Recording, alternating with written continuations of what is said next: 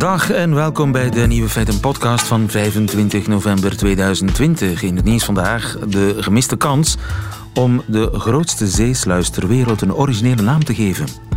In het Nederlandse IJmuiden wordt op dit ogenblik druk gewerkt aan een nieuwe zeesluis. En die moest natuurlijk een naam krijgen om u tegen te zeggen. En daarvoor rekende de gemeente op de burger. Die mocht suggesties doen, waaruit dan een winnaar gekozen zou worden. En er kwamen toppers binnen, zoals Irma Sluis. Irma Sluis is namelijk ook de naam van de doventolk die Mark Rutte bijstaat tijdens coronapersconferenties. Of ook nog de sluizenmoeder inderdaad naar de hitserie De Luizenmoeder. Of deze topper, Sluisje McSluisface. Maar nee, de uiteindelijke winnaar is geworden en hou u vast, Zeesluis IJmuiden. Anticlimax, inderdaad. Maar goed, het leven is mooi. De andere nieuwe feiten vandaag. De Hitlergroet was tot diep in de jaren 40 een uiting van vaderlandsliefde in de Verenigde Staten. Het Amerikaanse leger koopt de locatiegegevens van moslims via populaire apps voor moslims. En de ukulele verdeelt Vlaanderen en Nederland. Welke generatie het groenst is, dat leert u in de woensdagquiz. En de nieuwe feiten van Nico Dijkshoorn, die hoort u in zijn middagjournaal. Veel plezier.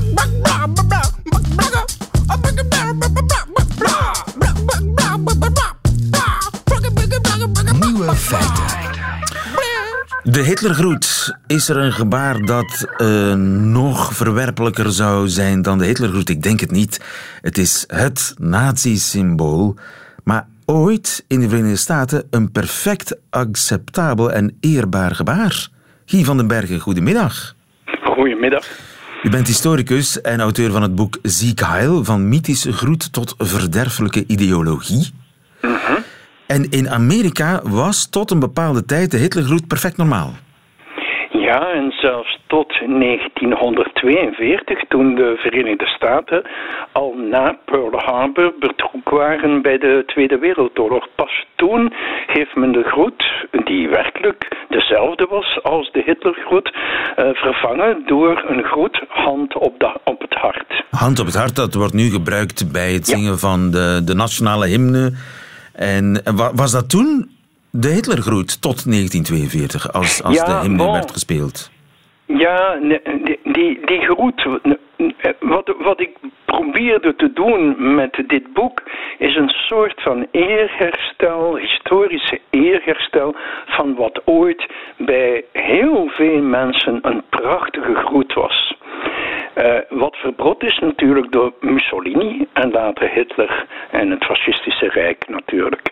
Uh, maar dat was een groet die in heel veel kringen, ook in katholieke kringen, christelijke kringen, echt ingeburgerd was. Ook bij ons? Uh, ook bij ons, ja, ja, zeer zeker. Die werd ook in Vlaanderen gebracht. En dat was totaal geen associatie met Hitler of het Nazirijk. De groet werd trouwens al midden 19e eeuw in de Verenigde Staten ingevoerd. Dus ja, bijna 100 jaar voor Hitler aan de macht komt. En dus de scouts bij ons, die brachten de, wat later dan de Hitlergroet is gebleken. Of, te zijn. Ja, of de scouts in Vlaanderen dat gedaan heb, hebben, dat weet ik niet zeker. In Frankrijk hebben ze het zeker gedaan. En in het land van de oprichter, bij de Powell, in, in, de Verenigde, in, de, in het Verenigd Koninkrijk, hebben ze dat natuurlijk ook gedaan. Maar dat hebben ze vrij snel in Frankrijk, al in 1920, was daar al bezwaar tegen. Uh, maar bijvoorbeeld in christelijke kringen, ook in Vlaanderen, maar dan los van de Boy dat weet ik niet met zekerheid. Maar dus in Vlaanderen en vooral in Nederland, de zeer christelijke vereniging door een jezuïet opgericht, uh, de Graal, uh, die brachten die groet en dat was een mooi groet.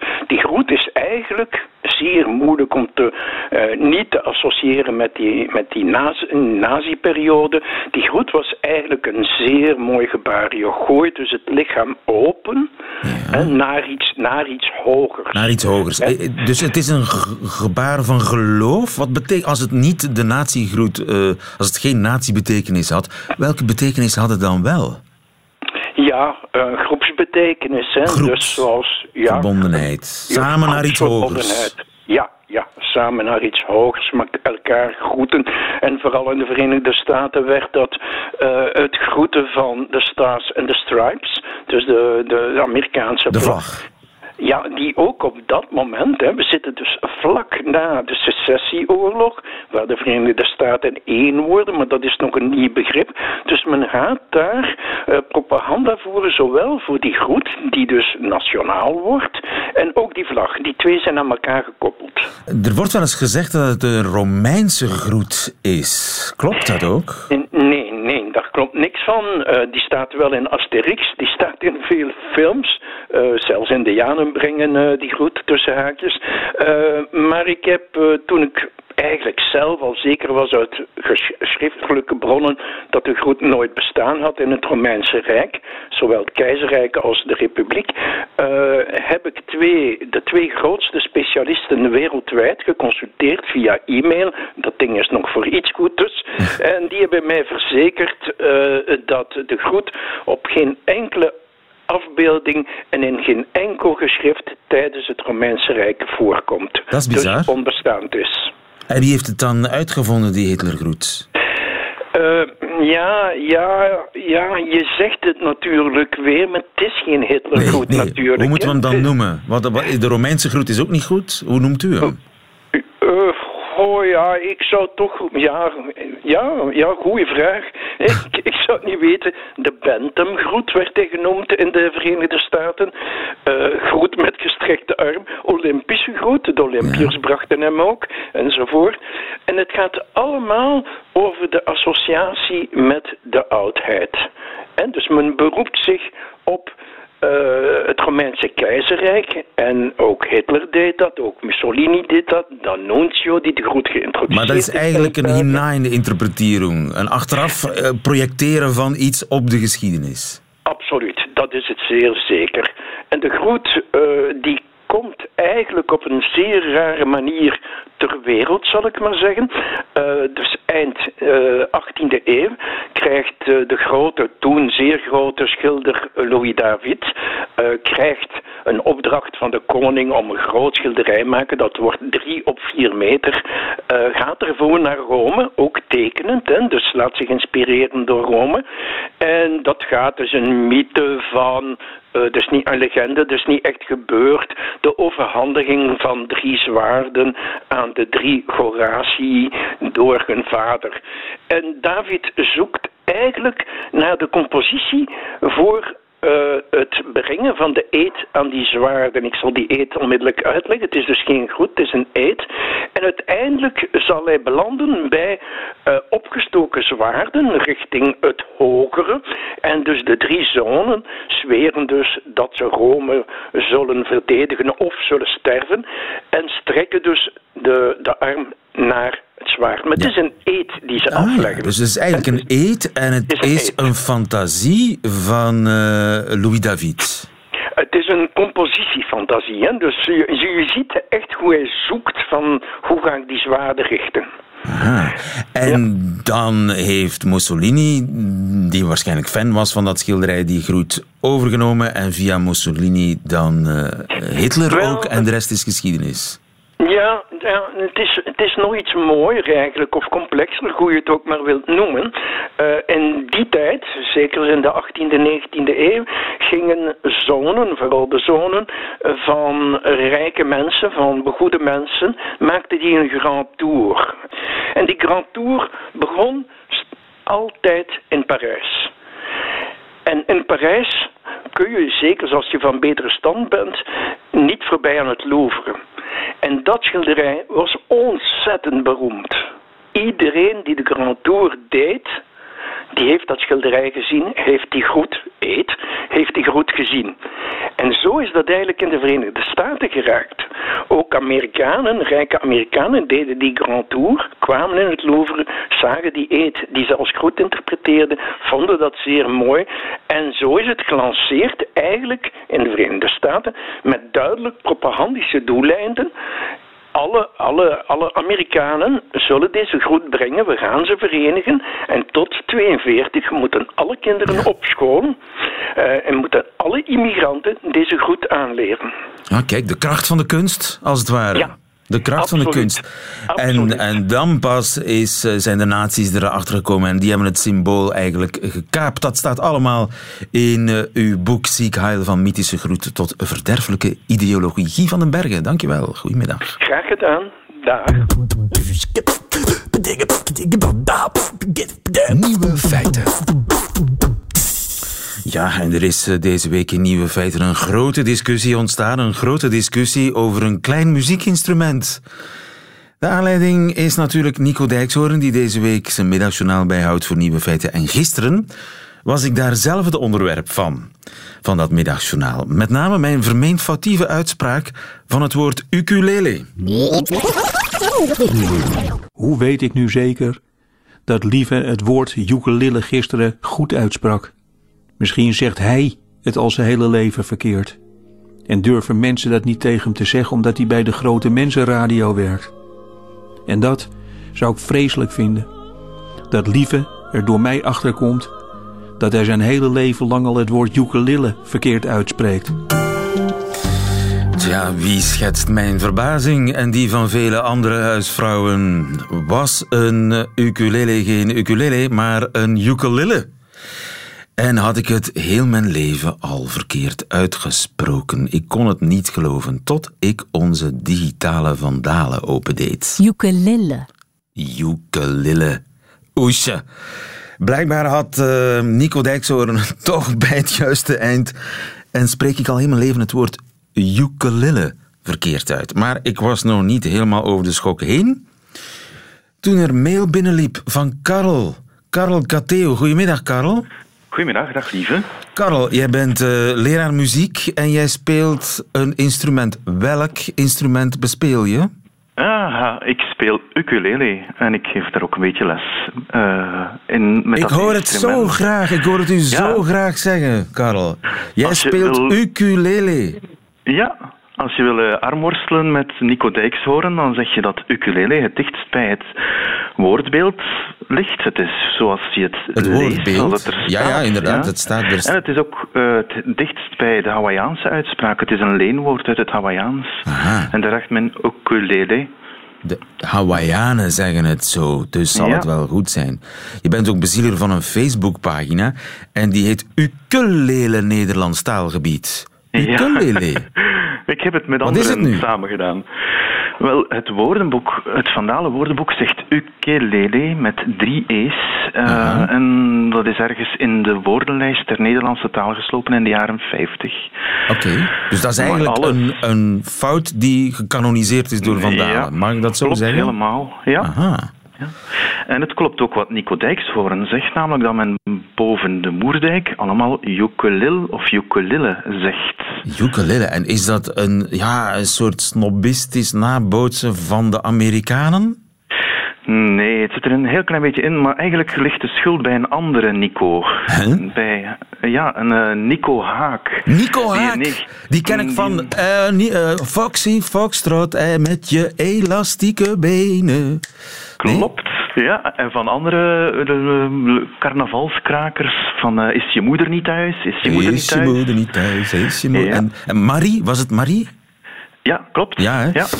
Haha, Nico, leeft hij nog? Is, dit, is hij nog in uh, dit nee. leven, Nico Haak? Nee, nee helaas, helaas. Niet. We nee, bidden voor hem. 90 is hij overleden. Maar uh, we dwalen af. Dus hij heeft te maken met de Nederlandse foutieve uitspraak ukulele. Ja. En dus hoe komt die, dat? Die zanger, Nico Haak, wilde graag leuke, vlotte carnavalsliedjes maken. Samen met trouwens Peter Koelewijn, die zijn vaste producer was. En hij luisterde naar heel veel Engelse hits. In Groot-Brittannië was de ukulele, zoals men dat daar op zijn Engels uitspreekt, uh, redelijk populair. En hij wilde daar een liedje over maken met een heel dubbelzinnige tekst. Uh, ja, in plaats van ukulele, zoals dat normaal zou kunnen uitgesproken worden, met een beetje een Engelse uh, inslag, een anglicisme erbij, wilde hij iets hebben dat uh, leuk kon rijmen. En hij heeft de achterkant van dat woord veranderd in ukulele. En daar een heel schunnige tekst op gemaakt. Uh, die rijmt op brullen en flauwekullen en knullen. Het zit zelfs nog in de definitieve versie. Van elke knul die speelt op een ukulele. Oké, dus de oorspronkelijke versie was ukulele, maar er is ook een gekuiste versie gemaakt en die gaat zo. Wij spelen zo graag, graag op de ukulele. Inderdaad. Het is om te gillen. Om te gillen? Dat wij dat willen. Wij willen. het goed. Zoals het moet. Ja, hij kon rijmen. Cool. En dat was eigenlijk nog een overblijfsel van de, van de ukulele eigenlijk. Klopt, helemaal. Ongelooflijk. Ja. Het is wel Maar, een, eh, een, een kraker. Oh ja, met, met een koortje. Iedereen zingt mee. En dat is dus de carnavalshit uit 1973, Ja. waarna Nederland is overgeschakeld op ukulele. Ja, want eh, de platenbaas Jack Hasselinghuis die riep eh, Peter Koelewijn bij zich en die zei van ik kan het echt niet maken, zo'n zo'n eh, zeer, zeer gewaagde tekst. Verander de titel, Peter. En ze hebben gezocht en ukulele is moeilijk om op te rijmen. En ze hebben ukulele ervan gemaakt. Een totaal gefantaseerde uitspraak, maar die wel aansloeg. De piratenzender Veronica heeft daar onmiddellijk de alarm, daar een alarmschijf van gemaakt, dus het gepromoot. Enkel bij ons, in Vlaanderen, heeft dat lied niets gedaan. Ah. En vandaar de tweespalt, de, het schisma dat ontstaan is. Vlaams-Nederlands schisma. Ja, het, het ecologisch schisma. Het ecologisch, de ecologische grens is, Ja, is ook klopt. de grens tussen Vlaanderen en Nederland. Ja. Oké. Eh, maar waarom zegt Van Dalen dan dat de officiële uitspraak ukulele is? Geen flauw idee. Waarom dat men één uitspraak verkiest boven de andere? Eh, ik denk Omdat dat de van Nederlanders in het algemeen... Ja, het macht van het getal. Ja, Maar wij zijn minder in getal, maar groter in ons gelijk, begrijp ik. En zolang je maar het instrument bespeelt... eh, Heeft u er een bij? Ik heb er hier verschillende bij me, ja. Zou, zou u zeker. toch iets voor ons kunnen ten Ik gehore weet niet brengen? of het eh, door de telefoon geraakt, ja, maar dat kan ik zeker doen, hoor.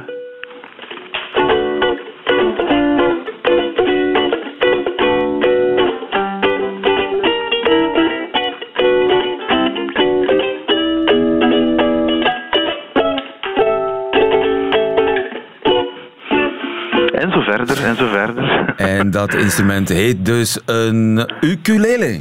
Ja, Dankjewel, Karel. graag gedaan. Karel Kateu, en het is nu definitief.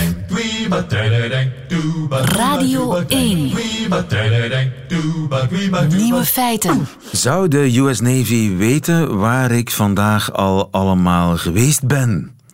Misschien wel, want eh, eh, een hele reeks apps verkoopt namelijk eh, zijn locatiedata aan het Amerikaans leger. Tom van de Wegen, goedemiddag. Goedemiddag, lieve. Het gaat onder meer om een gebedsapp. Die heb ik niet, maar, maar eh, het gaat ook om een... Ik wel. Je hebt een gebedsapp. Wel, ik heb hem gedownload eh, voor dit gesprek. Hè. Het gaat om Muslim Pro. Hè. Dat is die heel populaire app die eh, moslims gebruiken. Ehm, ja, je kan daar van alles mee doen. Je krijgt er de gebedstijden mee eh, om de vijf keer per dag. Je zit ook met een kompas om, om zeker te zijn over de juiste richting. Je krijgt ook tips voor restaurants. Je kan er de Koran lezen enzovoort. Dus je kan er zelfs je reis naar Mekka mee voorbereiden. Maar om die app gaat het vooral. Dus ja, inderdaad, Maar je, Muslim je, je, Pro app. je kan er ook je whereabouts mee aan het Amerikaanse leger verpatsen. Tenminste, jij verpatst het niet, maar de, de, de app zelf. Ja, die doet dat dus blijkbaar. Hè? Maar de gebruikers zelf zijn daar niet van op de hoogte. Eh, het is eh, een bedrijfje eh, dat als tussenpersoon fungeert, dat eigenlijk die data opkoopt van de makers van die app. Dat is een bedrijfje uit Singapore dat dat gemaakt heeft. En dat verpatst dat dan verder aan het Amerikaanse leger, dat dat opkoopt natuurlijk. En dat ja, heel benieuwd is natuurlijk naar de locatiegegevens van bepaalde gebruikers van die apps, vooral in de moslimwereld. Ah, zijn het vooral moslims waar de, het Amerikaanse leger in is geïnteresseerd?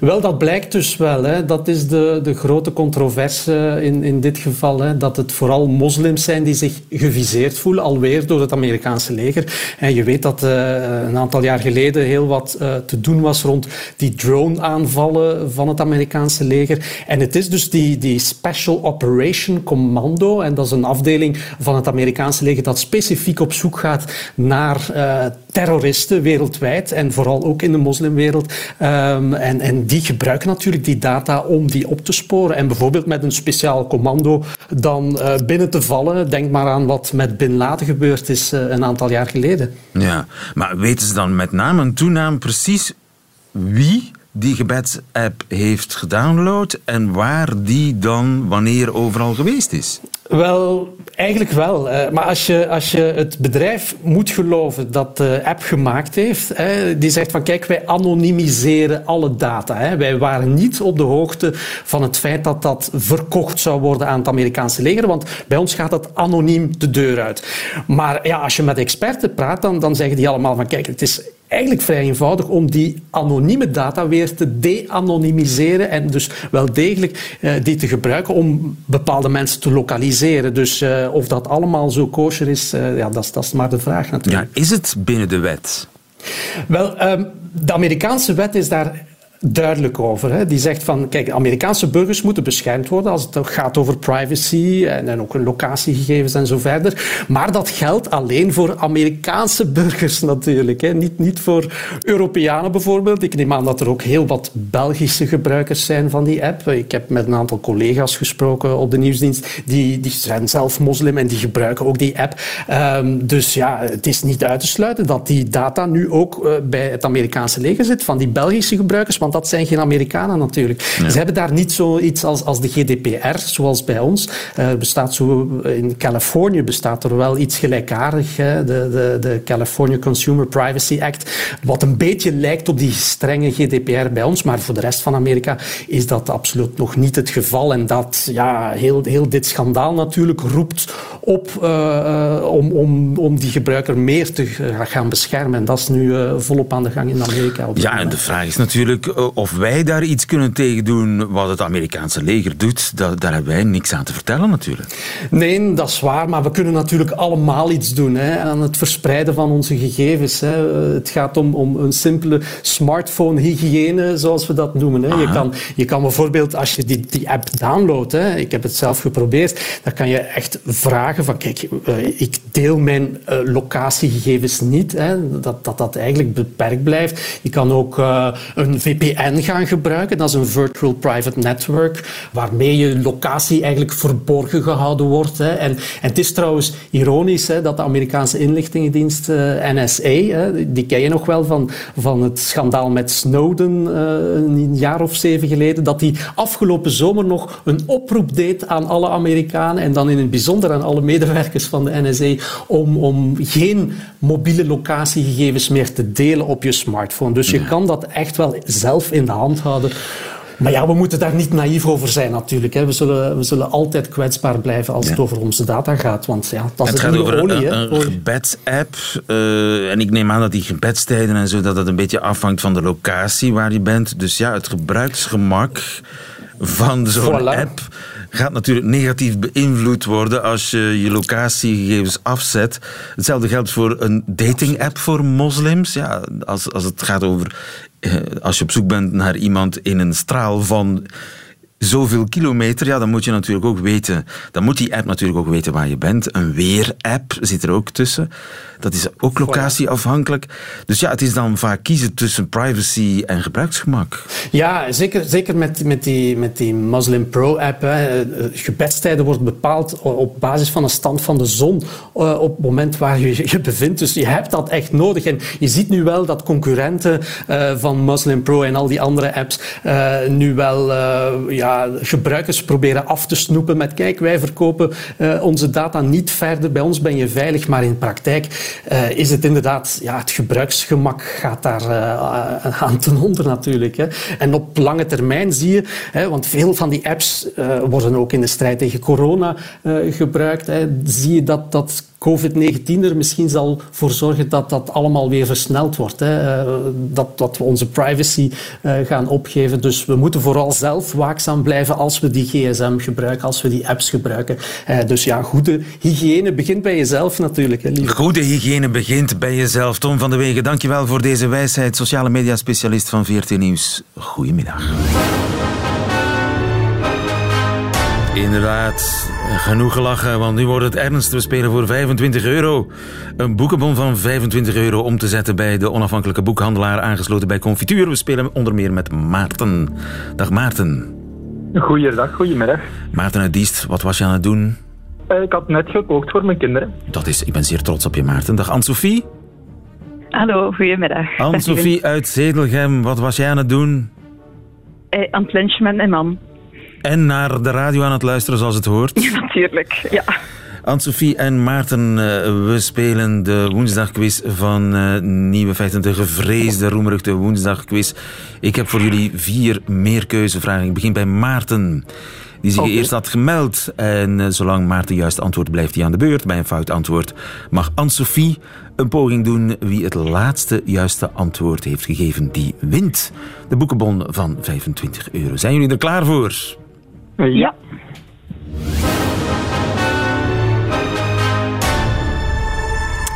Maarten.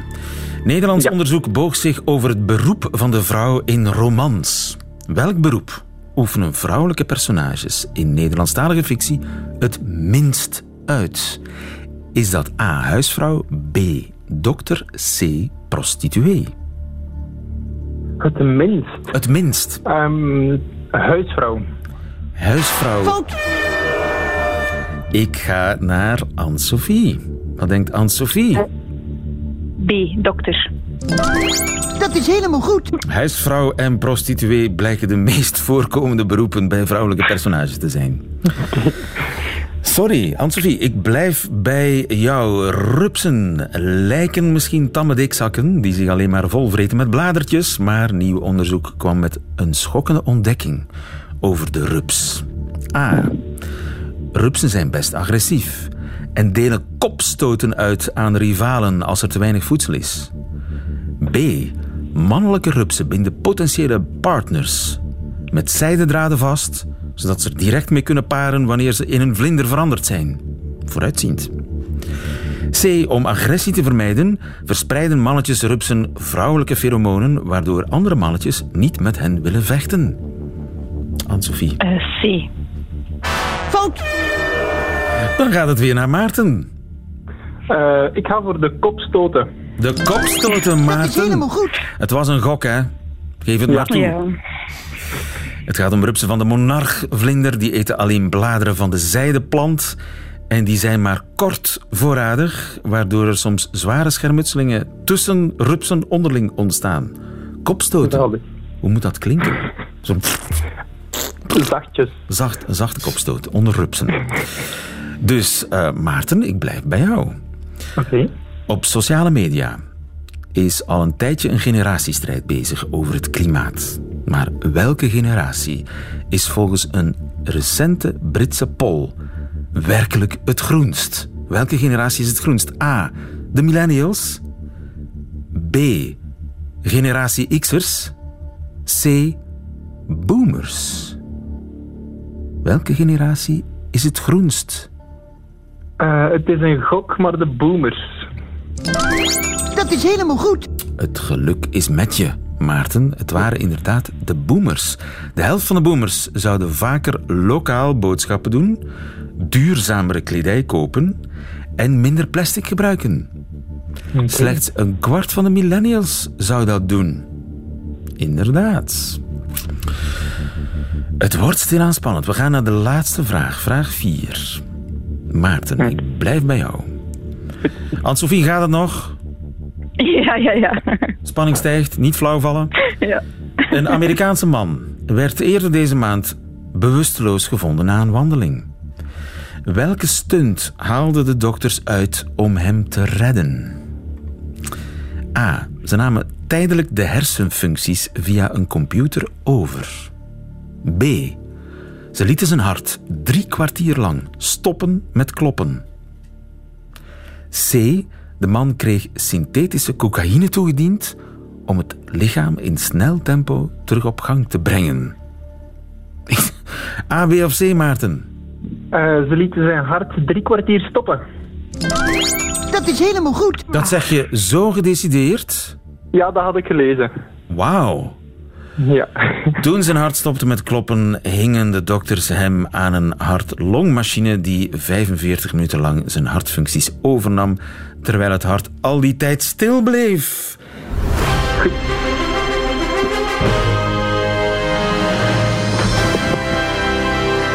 Helaas, Anne-Sophie. Ja, proficiat Maarten. Kijk eens aan, wat een sportiviteit. En laat de lunch eh, niet bederven door, eh, door deze nederlaag. Die, maar je hebt, het was heel spannend, je hebt goed gespeeld. Anne-Sophie de Noo uit Zedelgem. Helaas voor jou, maar gefeliciteerd Maarten Bossuit uit Diest. Die overigens moest meespelen van zijn kinderen, naar het schijnt. Klopt dat? Ja, inderdaad, die staan hier naast me te juichen. Alleen op, stilletjes op en neer te springen eigenlijk. 25 euro, je zal hem moeten delen met die kinderen, vrees ik. Ik vrees het ook, ja. Gefeliciteerd met je boekenbon van eh, 25 euro. Maarten Bosuit. En eh, volgende woensdag spelen we weer de gevreesde woensdagquiz van Nieuwe Bedankt. Dat kan ook via onze app. Zou dat kunnen? Dat dat via onze app ook kan. We hebben een nieuwe app. En dan kunt u... Oh, het is echt tot overmaat van feestelijkheid. Kunt u daar ook de Nieuwe Feiten woensdagquiz spelen voor 25 euro boekenbonnen.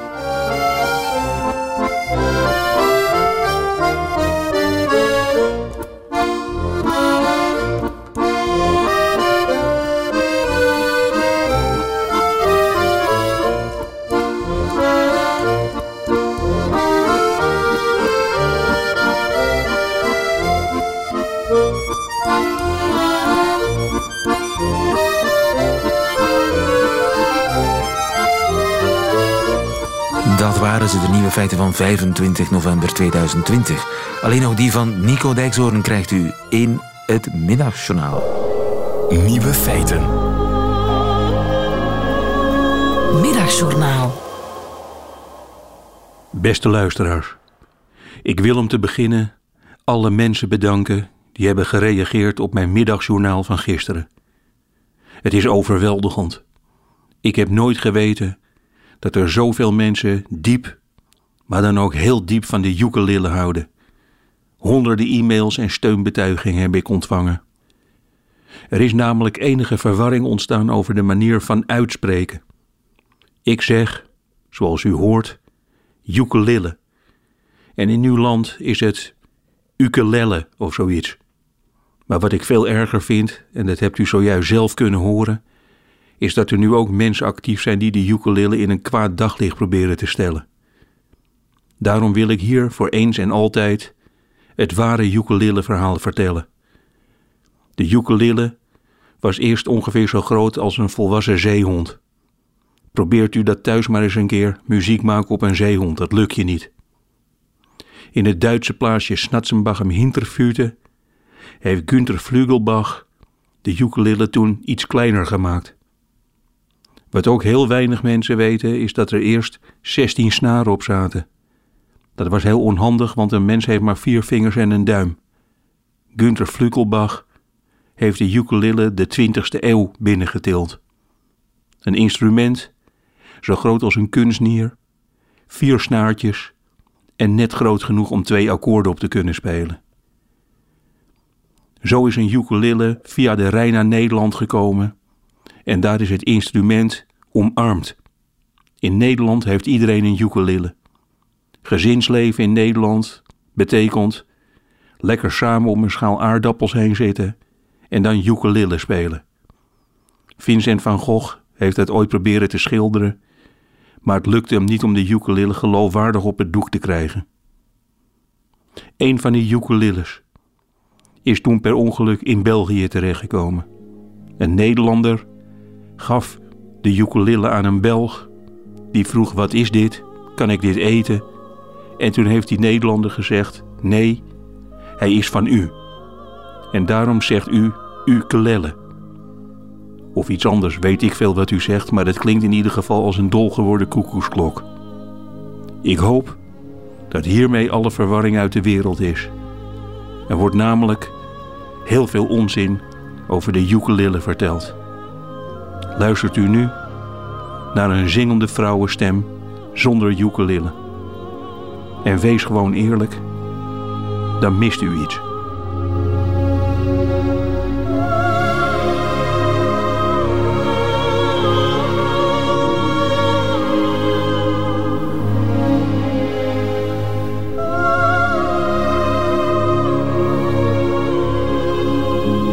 En daarmee is de ukulele-kwestie geheel opgelost. Nico Dijkshoorn in het Middagjournaal. Waarvoor dank. Einde van deze podcast hoort u liever de volledige uitzending van Nieuwe Feiten. Dat kan natuurlijk via onze website. Via onze gloednieuwe app kan het ook. Daar vindt u overigens nog veel meer fijne podcasts. Tot een volgende